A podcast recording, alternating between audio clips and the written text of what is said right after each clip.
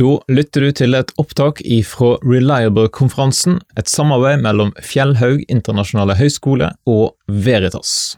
Now, Runa's just going to read for us. Luke chapter 15. So, Da slår alle opp Lukas 15.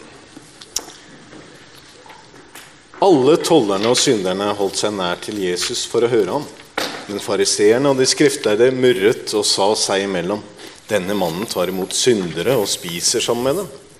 Da fortalte han dem denne lignelsen.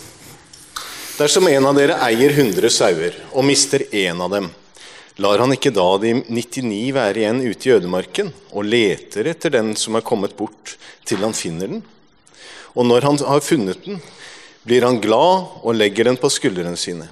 Straks han kommer hjem, kaller han sammen venner og naboer og sier til dem, gled dere med meg, for jeg har funnet igjen den sauen som var kommet bort. Jeg sier dere, på samme måte blir det større glede i himmelen over én synder som vender om, enn over 99 rettferdige som ikke trenger omvendelse. Eller om en kvinne har ti sølvmynter og mister én, tenner hun ikke da en lampe og feier i hele huset og leter nøye til hun finner den? Og når hun har funnet den, kaller hun sammen venninner og nabokoner og sier, gled dere med meg, for jeg har funnet igjen det pengestykket jeg hadde mistet. På samme måte, sier dere, blir det glede blant Guds engler over én synder som vender om. Jesus sa, en mann hadde to sønner. Den yngste sa til faren, far, gi meg den delen av formuen som faller på meg. Han skiftet da sin eiendom mellom dem. Ikke mange dager etter solgte den yngste sønnen alt sitt og dro til et land langt borte. Der sløste han bort formuen sin i et vilt liv. Men da han hadde satt alt over styr, kom det en svær hungersnød over landet, og han begynte å lide nød. Da gikk han og søkte tilhold hos en av innbyggerne der i landet, og mannen sendte ham ut på markene sine for å gjete svin. Han ønsket bare å få mette seg med de belgfruktene som grisene åt, og ingen ga ham noe. Da kom han til seg selv og sa, hvor mange leiekarer hjemme hos min far har ikke mat i overflod, mens jeg går her og sulter i hjel? Jeg vil bryte opp og gå til min far og si, Far, jeg har syndet mot himmelen og mot deg. Jeg fortjener ikke lenger å være sønnen din, men la meg være en av leiekarene dine. Dermed brøt han opp og dro hjem til faren. Da han ennå var langt borte, fikk faren se ham, og han fikk inderlig medfølelse med ham. Han løp sønnen i møte, kastet seg om halsen på ham og kysset ham. Sønnen sa, Far, jeg har syndet mot himmelen og mot deg. Jeg fortjener ikke lenger å være sønnen din. Men faren sa til tjenerne sine, skynd dere, finn frem de fineste klærne og ta dem på ham. Gi ham ring på fingeren og sko på føttene, og hent gjøkalven og slakt den. Så vil vi spise og holde fest. For denne sønnen min var død og er blitt levende. Han var borte og er funnet igjen. Så begynte festen og gleden. Imens var den eldste sønnen ute på markene. Da han gikk hjemover og nærmet seg gården, hørte han spill og dans. Han ropte på en av karene og spurte hva som var på ferde. Din bror er kommet hjem, svarte han, og din far har slaktet gjøkalven fordi han har fått ham tilbake i god behold. Da ble han sint og ville ikke gå inn. Faren kom ut og prøvde å overtale ham, men han svarte faren, her har jeg tjent deg i alle år, og aldri har jeg gjort imot ditt bud. Men meg har du ikke engang gitt et kje, så jeg kunne holde fest med vennene mine. Men straks denne sønnen din kommer hjem, han som har sløst bort pengene sine sammen med horer, da slakter du gjøkalven for ham. Faren sa til ham, barnet mitt, du er alltid hos meg, og alt mitt er ditt. Men nå må vi holde fest og være glade. For denne broren din var død og var blitt levende. Han var kommet bort og er funnet igjen. Great. Well, that's an amazing passage. And one of the things we're going to look at today is just how Jesus was the most amazing storyteller everywhere, there ever has been. and he makes sure that every word in his story counts. That's a reason, by the way, I like literal translations for Bible study because then you can see more closely the exact things that are going on. And he gave us short stories that can, you can think about for a very long time. So Marie asked me, Do I ever see new things? I saw a new thing as Runa was reading that passage. Actually, you see new things all the time. So we've got one of Jesus' best known stories. It's known in English as the parable of the prodigal son. That means a son who like went away. But of course, it's really a story about two sons who were lost. But it's got a simple message. At a very simple level, you can look at it as a great story about someone who goes away, they live in sin, they come back, and they're welcomed, just as God welcomes back someone who goes away and then turns back to Him. And so it gives you a picture of God's own heart. As you see this father running towards his son and embracing him, you get a picture of God's heart. So if you know nothing else, and this is the very first Bible story you've ever come across, it works. But it also works at another level. When you look at the first two verses, chapter 15, verses 1 and 2, we see that Jesus is speaking to two groups of people. On the one hand, he has the sinners and the tax collectors. These are people who are viewed as bad. On the other hand, he has the Pharisees and the Bible scholars. And so you have the, what seem like the bad people and the good people, the people who don't know much about the Bible, and the people who know a lot about the Bible. And so this is why Jesus tells his story a bit like Pixar. Now, you know the way a Pixar movie works it's there for the children, but it's also there for the adults. There are some things the children don't understand, but the adults do. Jesus tells a story so that if this is the first time you hear the story, you get something. But if you've been studying the Bible all of your life, there are also things that are deeply challenging. It works at many different levels, and every single word counts. So the context is that Jesus is telling a series of stories. And in Luke's gospel, we have a number of stories that are only in Luke. So this is only in Luke. But notice in chapter 15, verse 2, it, uh, uh, sorry, verse 3, it says, He told them this parable, singular, one parable with three stories to it. And we see that there's a climactic structure. There's a hundred sheep and one lost. There are ten coins and one lost. There are two sons and, hmm, how many sons are lost? You see, the numbers get smaller and it concentrates your mind towards the climax at the end. There's a climactic structure. It raises the question is there just one son who's lost or not? And what you find is it seems to be odd. Look at the first story. What man having a hundred sheep, if he lost one of them, does not leave the 99 in the open country and go after the one that's lost? Jesus, that's wrong. What do you mean? Who would leave 99 and go after one? That's stupid. What will happen to the 99? That's a really bad idea. If you're a shepherd, it's a terrible idea. And he says, What person doesn't do this? In fact, he says he's speaking mainly, um, you know, uh, probably mainly to men, although there may be women in the crowd. What man of you? By the way, most of them are not shepherds. You know, they're tax collectors, that's not a shepherd, or Pharisees, they're not usually shepherds, or they're uh, Bible experts. And most of them aren't shepherds. We say, Imagine you're a shepherd. Which one of you doesn't leave the 99? Now, some people say, the way the story works is we are supposed to imagine that there would have been a keeper of the sheep. Okay? There would be a keeper, and so he could leave them with the keeper and go off and find the one sheep. That's not allowed. And the reason why is because the storytellers in the Bible sometimes need to give us information. So in 1 Samuel chapter 17, this is the story of David and Goliath, it explicitly says, it clearly says, that David left the sheep with a keeper.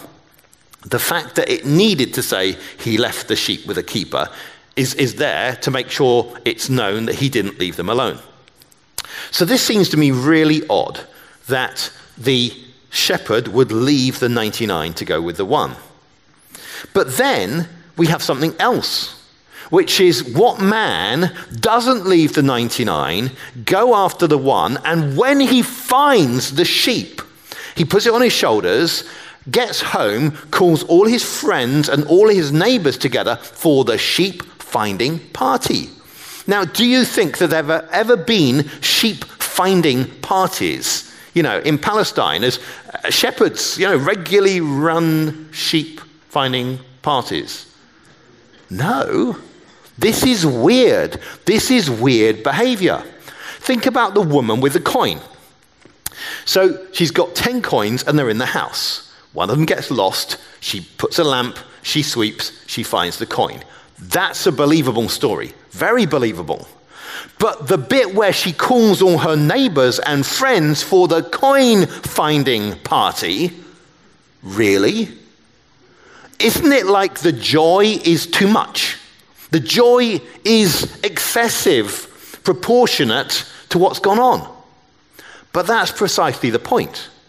God's joy over one sinner returning is excessive. It's too much. It's more than you would think.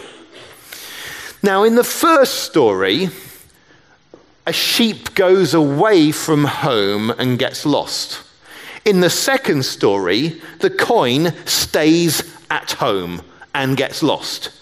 And so when you come to the third story and you have one son who goes away from home and one son who stays at home, you know from the first two stories that you can get lost away from home and you can get lost at home. They're both possible. So, in other words, these two stories beforehand about the sheep and the coin prepare you for the climax of the story at the end. Are you all following me? So, this is all important, and Jesus tells these utterly amazing stories. Now, the thing I actually noticed as we were reading it through the passage just then is that after the first story, it has this verse 7 So there is joy in heaven over one sinner who repents more than over 99 righteous who don't need repentance. That's quite a long sentence. Then you have an equivalent in verse 10, which is shorter after the second story. So there is joy before the angels of God over one sinner who repents. It doesn't tell you everything in verse 7, so verse 7 is the longest, verse 10 is shorter, and when you get to the end of the third story, there's nothing. You see? And I think what's going on there, but I've only been thinking about this for a very short time, is that again, it's the silence which is powerful because it makes you ask the question well, just how much joy is there when one person comes back? So, what we find is this story gives us lots of topsy turvy values. Now, you may not know the phrase topsy turvy, so I'm going to give you an English phrase. Topsy turvy is when something's upside down. So it, it seems uh, very strange that you would rejoice this much over a sinner uh, who repents. But then think about the audience. We've got these tax collectors and sinners, and we've got the Pharisees and the scribes. Pharisees and scribes are righteous people. They're also generally quite wealthy people. Pharisees are very wealthy. We see that from chapter 16 and verse 14. Chapter 16 and verse 14, it says, The Pharisees heard these things, and they were lovers of money, and they mocked him. You see, the Pharisees liked money, and then you have these sinners and tax collectors. Well, sinners, what do they do? Sin, I guess. Um, but they're people who do wrong things, whether it's sexually wrong things or they're, you know, collaborating with the Romans like the, the tax collectors. There might be all sorts of things we don't know, but they're just bad guys. And what we see is with these two audiences, they're really spoken to by this story. Let's look at how it begins. And I want to focus on the story of the two sons. It begins in verse 11 There was a man who had two sons. Now, I don't know, I, I haven't done my research enough on Norwegian, but in English we have knock knock jokes. You know these knock knock? Who's there? Do you have any equivalent in Norwegian? Yeah, they have, they're jokes with a certain structure. Or we have the Englishman, the Irishman, and the Scotsman jokes. You have similar jokes with probably the Swedes, or yeah, okay, fine. Um, no, and we don't, don't want to hear from the Swedes there, no, sorry. Um, uh, but, but welcome anyway. Um, the, what you find is there are certain structures of joke. So that, and they are structured so formally that often you can hear them just once and repeat them. It's a very interesting thing. Now, Jesus tells this story there was a man who had two sons. And we know when we hear that opening that these two sons are going to be different. And what I'd like uh, is if we can have on the screen uh, Matthew chapter 21, uh, verse 28, you'll actually see there's another story where it says a man had uh, two sons. It says, What do you think? Uh, a man had two sons, and he went to the first and said, Son, go and work in the vineyard today. And he answered, I will not. But afterwards he changed his mind and went. And he went to the other son and said to the same, and he answered, I go, sir, but did not go. Which of the two did the will of his father? They said, The first. They said to him, Truly I say to you, the tax collectors and the prostitutes go into the kingdom of God before you. For John came to you in the way of righteousness, and you did not believe him, but the tax collectors and the prostitutes believed him. Even when you saw it, you did not afterward change your minds to believe him. So it's interesting, it's very similar. Man had two sons. One looked like he was doing the right thing, but didn't. One looked like he wasn't, and then did. And then he says, This is just like the tax collectors, who are the same group we have here, and the prostitutes, who may be connected with that group of sinners. We'll see prostitute mentioned again in this passage. So, in other words, Jesus tells two stories that begin a man had two sons. At this point, we expect the sons to be different. Then we get the most important verse to grasp, which is verse 12. The younger of them said to his father, Father, give me the share of property that's coming to me. And at this point, many people misread the story. If I ask you, what did he do? What did the father do? What would you say?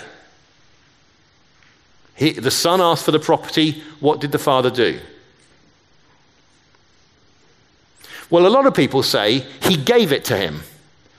But really, the story says he gave it to them. Look at the story. He divided his inheritance between them because he is a fair father.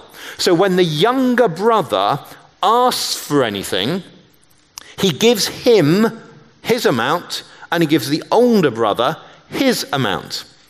Now, what country does this story take place in? We don't know. It doesn't tell us. It's a story. But if you imagine it taking place under Jewish law, in Jewish law, in Deuteronomy chapter 21, verse 17, the older brother gets double what a younger brother gets. So in this situation, the older brother does very well. So we need to understand that the older brother is well looked after. Not many days afterwards, the younger brother takes everything together and he goes off and he wastes his property. Notice that word waste with riotous or reckless living. Now, when I was told this story, because I grew up in a Christian family, I was told this story in church, they would go into the details of what the younger son did. They would tell you all the parties he went to and everything like this. Jesus doesn't. You know why? Because sin is completely boring. I know it sometimes seems interesting, you know, it's, but it really is not interesting, and it never makes a story better. So, in fact, what we find is Jesus passes over that because there are so many ways of wasting money, we don't need to go into that. It's not going to make us any better. But he wastes his, um, he wastes his money, and once it's gone, it's utterly gone. And then, suddenly, at, by coincidence, at the same time he runs out of money, there is a famine. Now, I don't know how it is in Norway, but people ran an experiment on an American group and a Russian group where they told them each this story, and then they asked them to write down the story. And far fewer of the Americans remembered the bit about there being a famine than of the Russians remembered there would be a famine. So I don't know how that would strike with you, but that's a very important part of the story because it's bad luck, isn't it, that just when he runs out of money, there also is a famine that happens to hit the one country that he's chosen to go to. So it's not that it's a famine everywhere, it's a famine in the one country he has gone to. That's bad luck. And so everything seems to be going very wrong. And if you had money in a famine, maybe you could do something. But when you have no fa- money, what can you do? So he gets a job. Only it's not really a job. You can call it a job. Because what it says is not that someone hired him, employed him, but that he hired himself out to someone. In other words, he volunteered. And he wanted to get remunerated with pig food.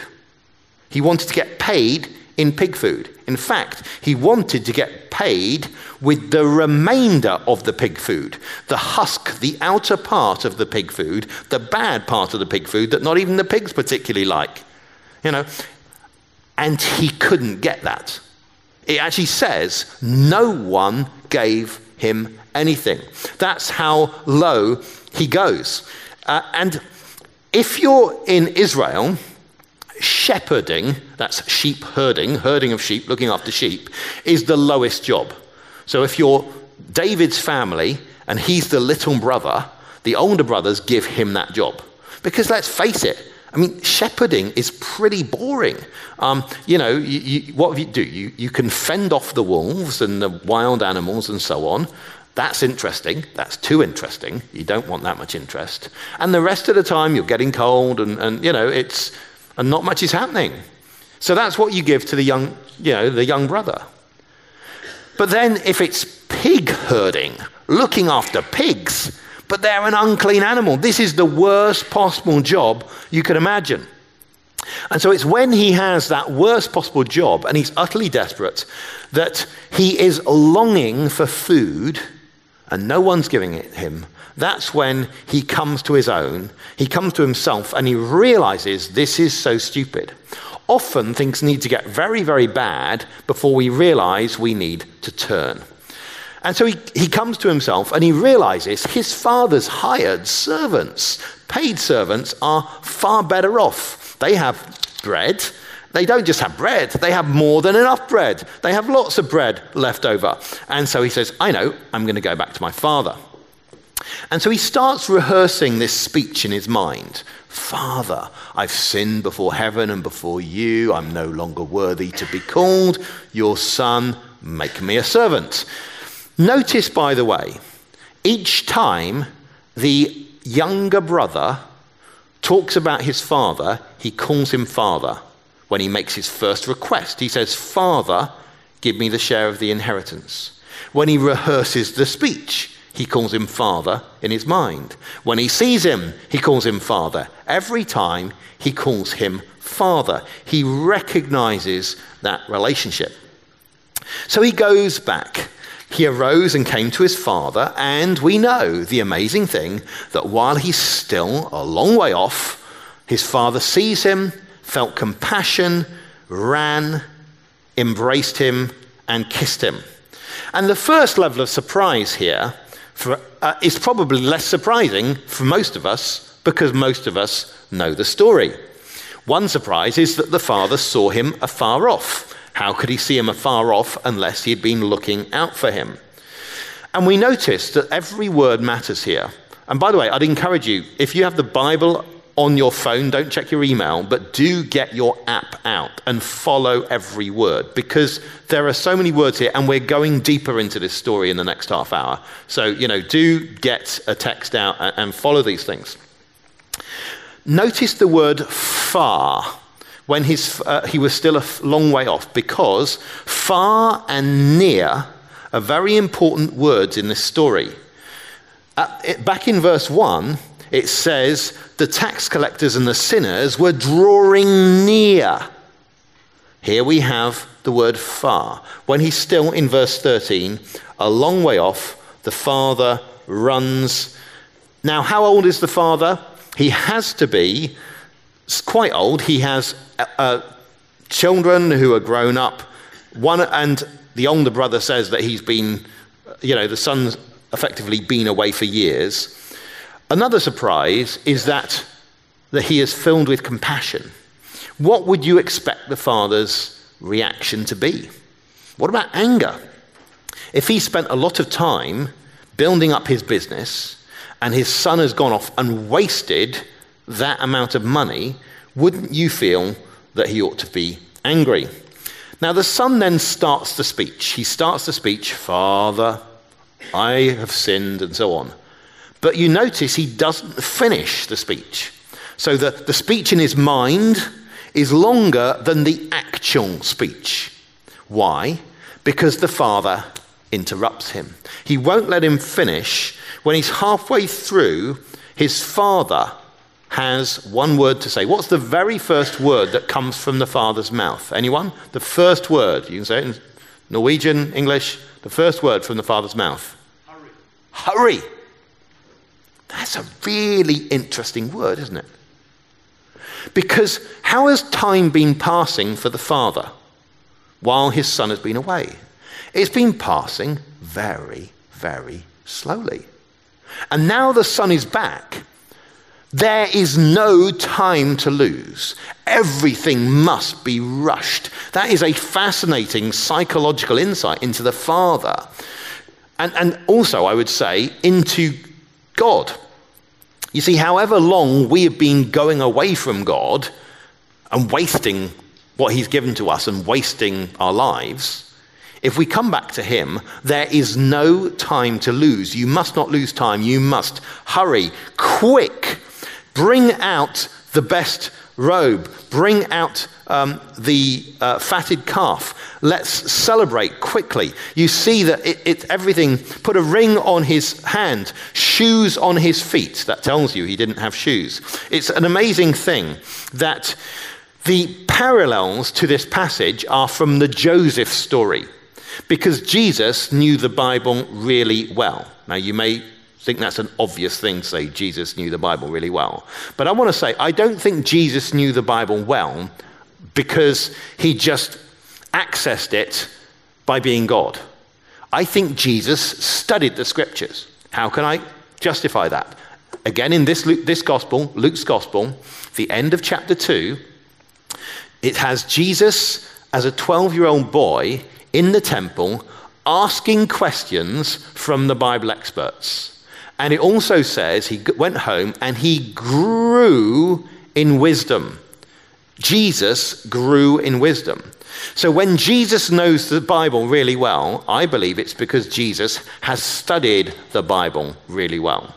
And he br- takes bits of the Old Testament and puts them in his story. So you remember when Joseph is taken out of prison and he has made the second level in the land. So you've got Pharaoh and you've got Joseph under him. At that point, Pharaoh says, Put a ring on his hand, put the robe on him. That's where this language comes from into Jesus' story. And then uh, he says uh, that kill the fat calf, the fat cow. Um, the son, what had he been thinking about eating? First, he'd hoped to have remains of pig food. Then, in plan, the second plan, he hoped he'd have bread and more than enough bread. What's he actually get? He gets meat feast pizza. No, I mean, so he gets meat feast. He, get, he gets, you know, the re- I'm sorry, you know, I know we've got some um, vegetarians here. That's fine. This is good in this context. We can discuss other matters, but in this context, this is a good thing. Uh, back then, they didn't have refrigerators and they weren't in Nordic climes, which meant that uh, you couldn't keep meat for a long time, which meant that you would be You, you would slaughter the meat and share it out, you know, and you'd have a big party. Then you would go on to your grain diet, and then you would go, you know, and have another feast and have killed another animal. That was the way it was. So it's very different from now. So that's the way we could look at the first scene in this story. And how does it end? It ends with a party because the father says, What has lost has been found. He was dead. He's alive again. And it ends with, it says, the party began. Notice that when it says they began to celebrate. It doesn't say, you know, they had a party and then it ended. It's giving you a sense of how this is a party which is just going to go on. Now, how, how, have we had, how much have we had the word celebrate so far? Well, the shepherds celebrated. The woman celebrated when she found, and now we have the father celebrating when the son comes back. Change of scene. Verse 25, a different mood. We haven't heard much about the older brother so far. Now we hear about him. He's been in the background, now he's center stage. First thing we see is the older brother is in the field.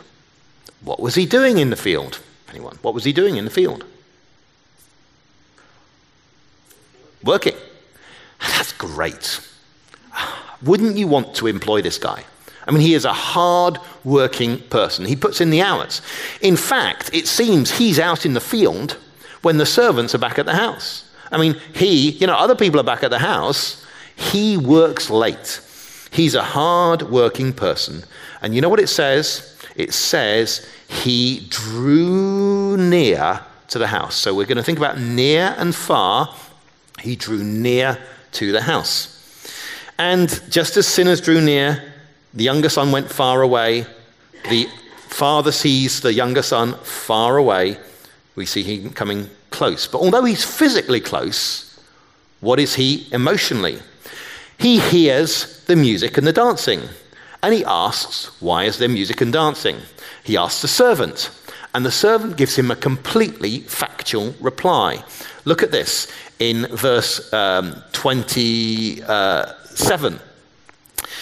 The servant says, Your brother has come, and the father has, uh, your father has killed the fatted calf because he got him back healthily. Now, notice the difference between the servant's reply and the father's evaluation of the same situation in verse 24. the father, wow, he was dead, he's alive again, he's lost and he's found. The servant, he came back healthily. That's why there's a party. You see, the servant is not emotionally involved in the same way that the father is. So, how does the older brother react? Well, he reacts with anger. So, whereas we expect the father to be angry because of what's happened and he's insulted him and he's lost all his wealth, it's the older brother who is angry. He could have been filled with compassion, poor little brother, you know, but no, in fact, he is angry with his own brother and he refuses to go in. What is the older brother's very first word? Look. You see that? The younger brother calls his father father. He always begins speech to the father with the word father. The older brother does not begin his speech with the word Father. So here we have an insight that even before he went away, the younger brother thought of the father as his father, and here we have the older brother not addressing his father as father. And this is what he says Look, all these years I have been slaving for you. Isn't it interesting? He says, All these years I have been slaving for you. Now, question Who owns the farm? Who, who owns the farm? He owns the farm. The older brother owns the farm because it says very clearly that the father divided to them everything. The son, the younger brother, took away everything he had, which means everything that remains belongs to the older brother. And yet he says, All of these years I have been serving, literally slaving for you. So, in other words, he thinks not of having a father son relationship with the father, he thinks that he is a slave. And what happens is this may be the very first time he's ever complained, but it's certainly not the very first time he's thought of complaining. He actually thinks that God, he, oh, sorry, he thinks that the Father is, has been mean, and he's actually his resentment, his feeling against his Father is now coming up. He claims he's been serving the Father when in fact he's been building up his own farm. He speaks with the mindset of a slave when in fact he's a son. He says to him, I never disobeyed your command. Probably true. He never did anything explicitly against what his father wanted. Yeah? Fine. He was a model of outward obedience. But, of course, the father could give commands, and whenever the father gave commands, he did them. But he was thinking as a servant, not as a son. His obedience is purely negative, not doing wrong things. Loads of people in churches are like this. Loads, you know, they've never done any of the really bad stuff. They know plenty of people who have, but they never did the drug, sex, rock and roll, and all the rest. You know, they, they were good. And, but they've been thinking themselves as within a slave system. They've, they had no joy in their hearts. They've had, they haven't been thinking of God as Father. They've been thinking of Him as the mean guy who makes them do hard stuff. But they've never done anything against His commands. And then He says this You never gave me a young goat that I might celebrate with my friends. Now, this is one of the most revealing parts of the story. You see, do you think the older brother was vegetarian all of those years. No, he's, he's on a farm. No, no, he, he wasn't vegetarian. So, what's it mean, you never gave me a goat? Well, which is bigger, a goat or a fatted calf? Fatted calf is a lot bigger, okay? A lot bigger. He says, You never even gave me the small animal, the goat. Now, I've eaten goat and I've eaten beef. Beef is far better, uh, you know. Um, but you never gave me even a goat, the smallest of animals, that I might celebrate with my friends. Now, where have we had the word celebrate before? Oh, yeah, the shepherd celebrated, the woman celebrated, the father celebrated, and here the older brother wanted to celebrate. But what's he want to do? He wants to celebrate with my friends. Hmm. Who's on the guest list? Well, the shepherd invited his friends and neighbors. The woman invited her friends and neighbors. The father invites everyone. And who does this older brother want? He wants with my friends. And that's a really interesting thing. He doesn't want the younger brother there, but even more importantly, he doesn't want the father there. You see, he has spent plenty of time eating with his father. Probably his friends have come and eaten with the Father as well. But he is not satisfied so long as the Father is there, the meat does not taste nice. Do you see? In other words, he is someone who is physically close, yet he wants to be far away. you see, he wants to be in his own party with his friends away from the Father. So, what we see is this amazing thing. The one who went far away was always closer in his heart than the one who never went far away. He wanted to celebrate with his friends. And here he prefers to remain outside the party. He's angry, he won't go in. And then he continues on this speech to the father. When this son of yours, notice that phrase, he doesn't say when my brother. When this son of yours, he distances him completely from that. He doesn't recognize any family relationship. He doesn't call him the father father. He doesn't call his brother brother. He sees himself as cut off. This son of yours, and you're not even my father, who has devoured your property, eaten up your property with prostitutes, you killed the fattened calf for him. Now look at this. This son of yours who has eaten your, prosti- uh, your, your, your property with prostitutes, with whores. Well, this is an amazing thing. How does the older brother know? How does the older brother know what the younger brother was doing? He's only just come back from the field. How can he possibly know, one, that the younger brother has not brought back anything? He didn't even see him yet. So, how does he know that? And two, how does he know that he did it with prostitutes? Was the younger brother sending postcards from the brothel saying, This is what I've been doing? I mean, seriously, how does he know? What source of information is there possibly for this? There is one and only one source for this information. One source, you know what it is? His imagination.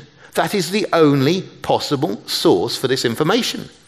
And if he's getting that from his imagination, what does that tell us about where he actually would want to be? You see, the older brother would love to be with the prostitutes, but he doesn't disobey commands. He's a good boy. You see? In other words, you see the resentment that there is in this person's heart. That he, um, you know, he wants to be where he imagines his younger brother has been. He's physically close, but his heart is far away. Now, I'm going to speak in a lecturing way for much of this, but I'm going to make an appeal now, okay? Some of you will be people who've been coming along to church and your heart is far away. You do all the right things on the outside, but you haven't actually accepted God as your father and committed your life to Him and accepted that He is a good father who's not giving you commands because He's mean. He's actually the most loving father possible who wants to celebrate with you. And you need to accept that. And I'd urge you to do that today. Then we find the Father's final word. What is it? My child. He affirms the relationship. It's literally true. He says, All that I have is yours. And you know what? That's true. Everything the Father has given to him. It really is true. But we had to celebrate because this, your brother, was dead and is alive again, he's lost and is found. In other words, celebration is compulsory, it's obligatory. You cannot get away from this. It's necessary because of the big thing we have to celebrate. There was no other option. And then the story stops. And you notice how the story stops in an open ended way. We ask ourselves, how did the older brother respond? We don't know. And that's really important about the way Jesus tells a story because he leaves it open because the invitation is open. Is he going to go into the party or not? He still can. It's not too late for him to go into the party. Or he can stay outside and be miserable. That's, that, that's the uh, choice we have. And that's the end of the story. And we wonder, what on earth are we meant to do? Well, one thing I get from this is just how miserable Pharisees are. If you are someone who is trying to stress being close to God through just not doing wrong things, you're miserable. In this story, the shepherd celebrates what's lost, the woman celebrates what's lost, the father celebrates what's lost, and the older brother is miserable about the time with the goats he never had. But guess what? He's had plenty of goats, he's had plenty of friends, he's just miserable. So that's our stum- summary so far. Uh, and it's a story at this surface level about a person who did what's obviously bad, the younger son, and came back to the father and was graciously accepted. And then it's got the other brother who is, um, you know, does nothing wrong formally, but does not seem to want God. And if we're going to apply that in the context of Jesus and apply it today, I would say the church needs to be wide open to people who don't seem to be from the right background. You know, who they, they belong to the, you know, LGBTQ letter groups. They belong to everything um, that, you know, churches have not stood for. All of those people, those are the people who are welcome in the church. And, and everyone's welcome. The older brother is welcome too, right? But actually, the older brother sort of has been thinking about his own righteousness and not thinking that we are all broken people and everyone is invited to God. There are conditions, of course. What we notice, the father didn't run after the son when the son went away. People can go away and God doesn't run after them in that way. Does that make sense? They have to repent, they have to turn around, they have to come back. That's really important. Repentance is important, turning around is important. But everyone is welcome, regardless of whether being in church for a long time or not, whatever they've done, and so on. Now, let's do the story a second time and go into a bit more detail. Look back to verse 2. In verse 2, we notice the scribes and Pharisees and the word I've got is grumbled. Grumbled. Now, I don't know what word you got in Norwegian. Does that remind you of any other group in the Bible who grumbled? Who, who's the group in the Bible famously who grumbled? Anyone know? Grumbled lots of times. Israel in the desert grumbled. And so that's the way these people are described. They're actually doing what has been done in the past by God's people. They grumbled, they weren't content with God. And they're the Bible experts. Then we see that the younger son wastes his father's possessions. Chapter 15, verse 13. That's a common word, but look at the beginning of chapter 16. Chapter 16 and verse 1. It's another parable. It goes like this He said to his disciples, A certain rich man who had a, there was a certain rich man who had a steward who was uh, denounced to him as wasting his possessions. So, in other words, we have two adjacent parables, two stories next to each other, who are both about wasters. Okay? People who waste money. Now, if you're a Pharisee, what do you think about people who waste money? How, how many of you are tax collectors? Uh, sorry, not tax collectors, taxpayers. How many of you taxpayers? Taxpayers, quite a few. How do you feel about people who waste your taxpayer money? Angry, right? The more tax you pay, the angrier you are about people who waste. So the natural reaction at waste is anger. The astounding thing is that the Father does not feel anger. In fact, what Jesus is doing is challenging these people who feel angry about waste. And the Pharisees, it says in verse, chapter 16, verse 14, were lovers of money. And often we find that people who love money hate waste. Now, often hard workers hate waste. How many of you think you're a hard worker? You know, a few, no, no, a few, no, a bit shy about that. But you know, the harder you work, the more you resent waste because you've been so careful with everything. And in the hard worker's mind, there's a set of laws which lead to reward. And so you've got sin and vice and bad stuff that leads to pain and misery. And you've got hard work, and that's the good thing, and that leads to the right thing. And therefore, you judge those who don't do the same. And Jesus tells these stories where the two people who are commended as models are both wasters. And that's a really interesting thing when we think about how we judge people.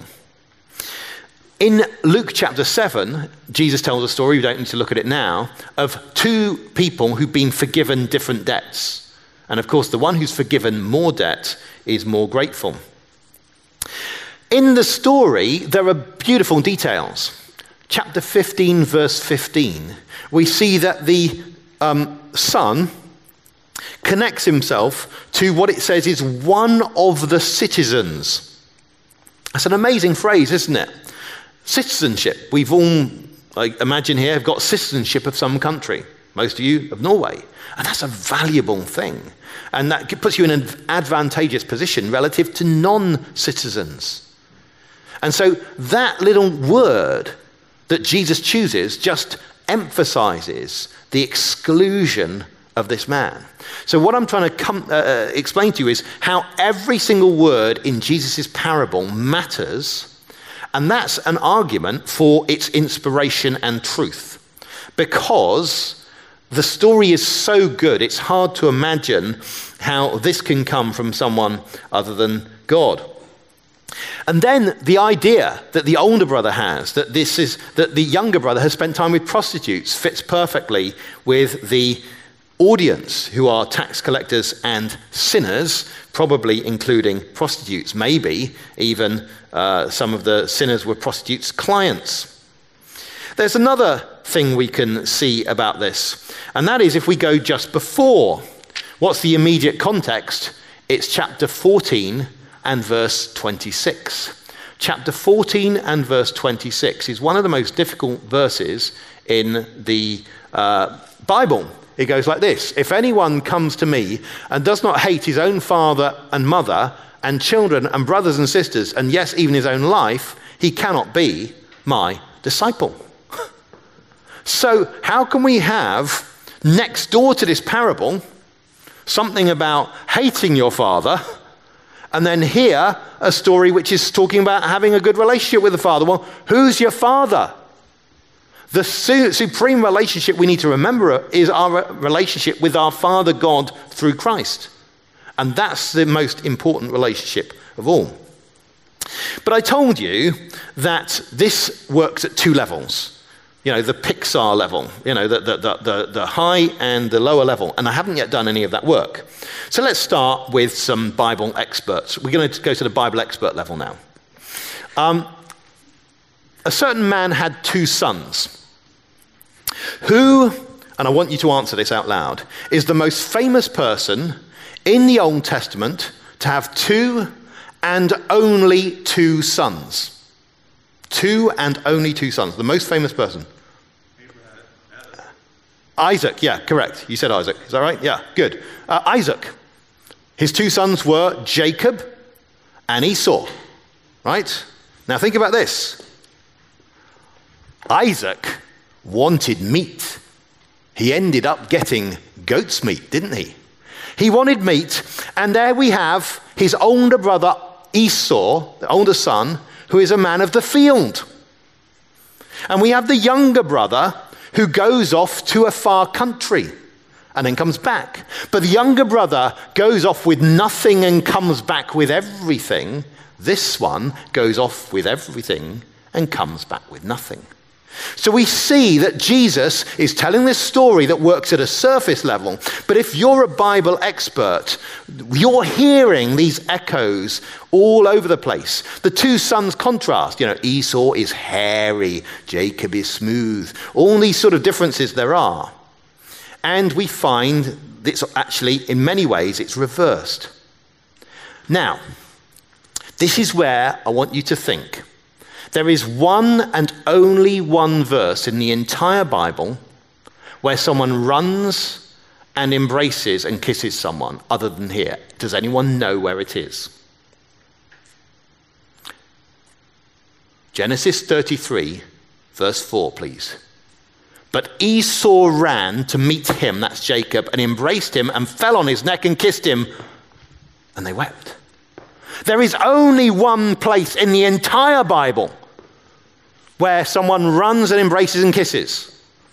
And so, if you are a, a, scribe, a Bible expert, you do the concordance in your head. Oh, yeah, you do the computer search. And suddenly, boom, Jesus knows the Bible better than them, by the way.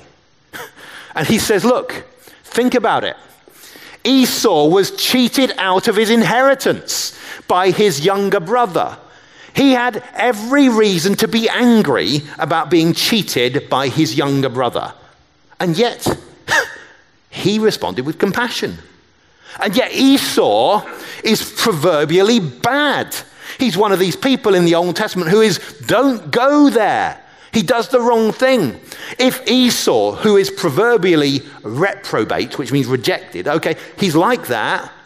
If he could embrace his brother who's cheated him out of everything, Why is this older brother worried about having little brother back? Because there is a question. If little brother comes back, how is he going to eat? Whose possessions is he going to eat? Well, he's going to be eating from some of the older brother stuff. But let's face it, the older brother has plenty. but he is so angry about losing that little bit. Now, this to me speaks very, very powerfully today to how people who are very wealthy in relative terms can feel about little bits of their wealth going to charity. You know, little bits of their wealth going to feed the desperately hungry, those who might come from far countries who have great needs. And I think the church needs to be unambiguous about saying, no, we are not going to do the older brother thing. We're going to run and embrace and welcome. So we see that actually this story is very, very powerful because Jesus gives these details which are there for those who are the top of the class, the Bible experts, and he challenges them and says, Well, hang on. Who are you like? Think about your Bibles more deeply and think about the real heart of God in the Bible, and you realize Esau was cheated of everything and he forgave. Maybe you feel sinners are cheating. You're a good Pharisee, you don't do wrong stuff, and those sinners, they do wrong stuff that you would like to do. Can they just come and get forgiven? That's cheating. If I'd known that, I would have done the sin first and then got forgiven later, you know? Or what about the tax collectors? I mean, they've been gathering our money, they've been collaborating with the Romans, we've been really, you know, proper nationalists. They've been gathering our money, and now they're rich. Can they just repent now and get in to the kingdom? That's cheating, isn't it? The idea that you can just be forgiven, isn't that terrible? Isn't it immoral? Isn't it cheating? And Jesus says God rejoices absolutely disproportionately about one person who repents. And so that's the way we should think of things. Okay, now let's look in a bit more detail. Because there are more references in Jesus' brilliant parable. Because when you see Jesus' parable, it's not just based on the Esau and Jacob story, it's also based on the Laban and uh, Jacob story. And we're going to look at a few of those details from, from both of these. So I want you to notice, firstly, an odd verse in Genesis chapter 33 and verse 10. Genesis chapter 33 and verse 10, Jacob says to Esau when he meets him, no, please, if I've found favor in your sight, then accept this present from my hands, for I have seen your face, which is like to the face of God, and you have accepted me. Do you know Esau, who's a bad guy in the Bible, is in a small respect a picture of God? His accepting of Jacob is a picture of God. And that's why this father running to accept the son is a picture of God accepting us. It's God's face, it's the way God responds when people turn to him. Now, when you look at this in its context, you see that it also has these many links with the Laban story. So, for instance, um, the older brother says that the younger brother has devoured or eaten up property. Look at Genesis chapter 31, verse 15, please, and we'll have a series from Genesis 31, thank you, where what we find is um, that the younger, the, the, the daughters of Laban say that their father has devoured or eaten their money. Let's look now at verse 27. This is all in the Laban story, the Laban Jacob story, where again Laban says, I would love to have sent you away with mirth and songs. Well, it was songs and dancing that they had in this story to welcome him. Let's go to verse 38. These 20 years I've been working hard for you. And the older brother talks about how all of these years he's been working so hard. Look at verse 41 again, about all of these years.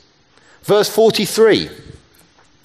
This is what uh, Laban says to Jacob The daughters are my daughters, the children are my children, the flocks are my flocks. All that you see is mine. What did the father say? All that is mine is yours. So, in other words, Jesus has taken bits from the Joseph story, the Jacob story, the Laban story, loads and loads of stories in the Old Testament, and he's put them together into this most amazing story. So that as he has Bible experts listening and tax collectors listening, he's throwing in these details for them that really challenge them in a deep way to reflect on their Bibles.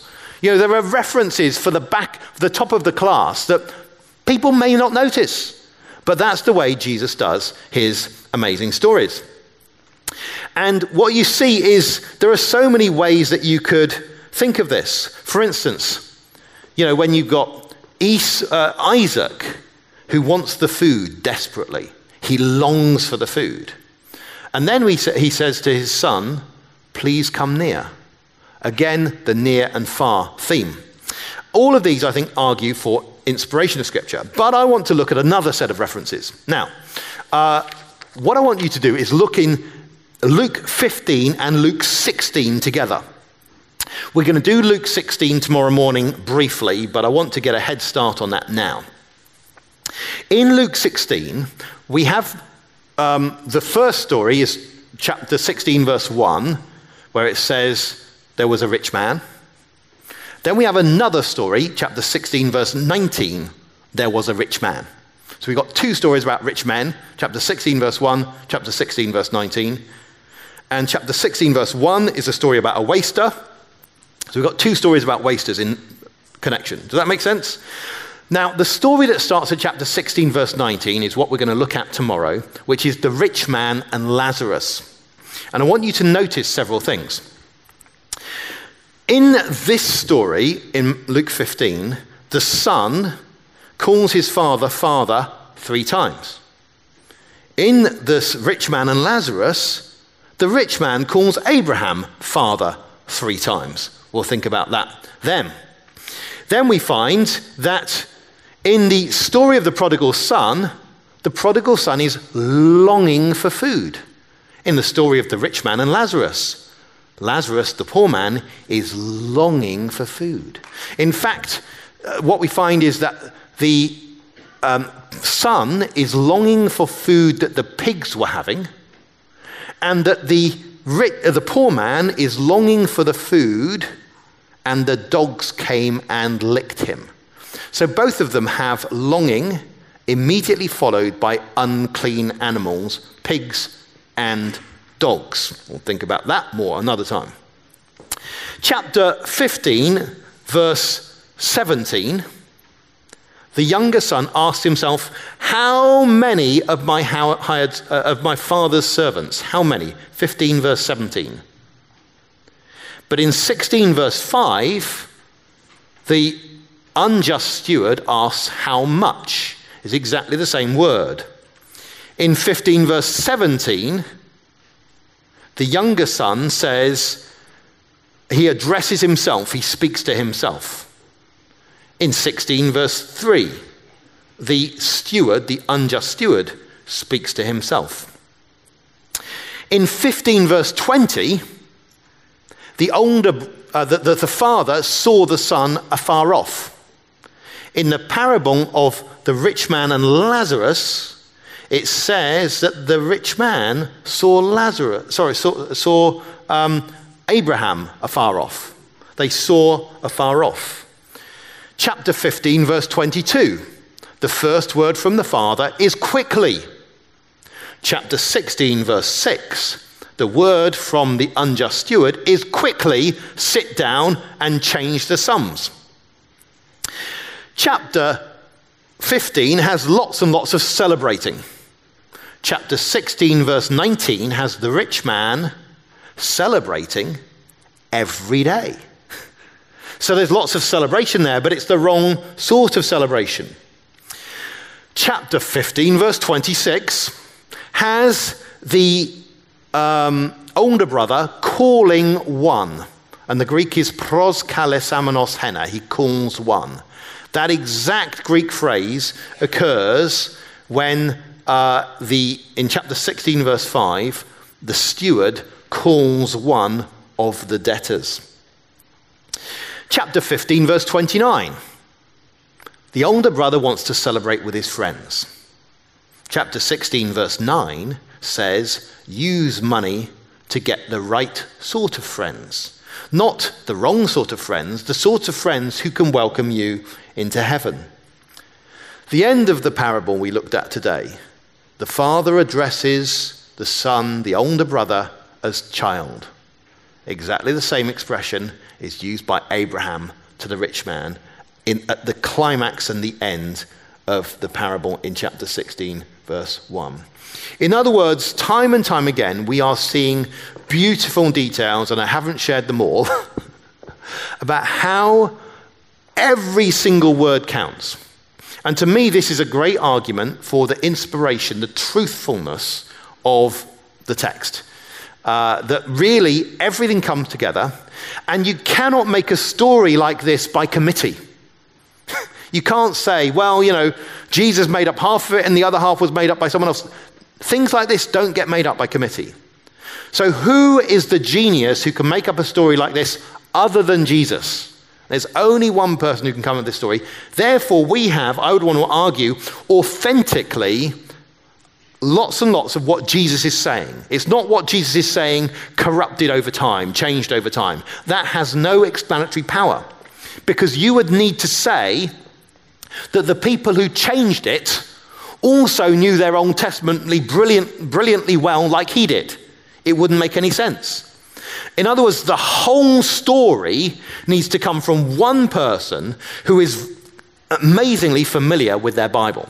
And I want to say there's only one simple explanation. The only simple and good explanation is it all comes from Jesus. And for me, that's an incredibly challenging thing, as Jesus says that He is the one who is willing to welcome us back if we go astray.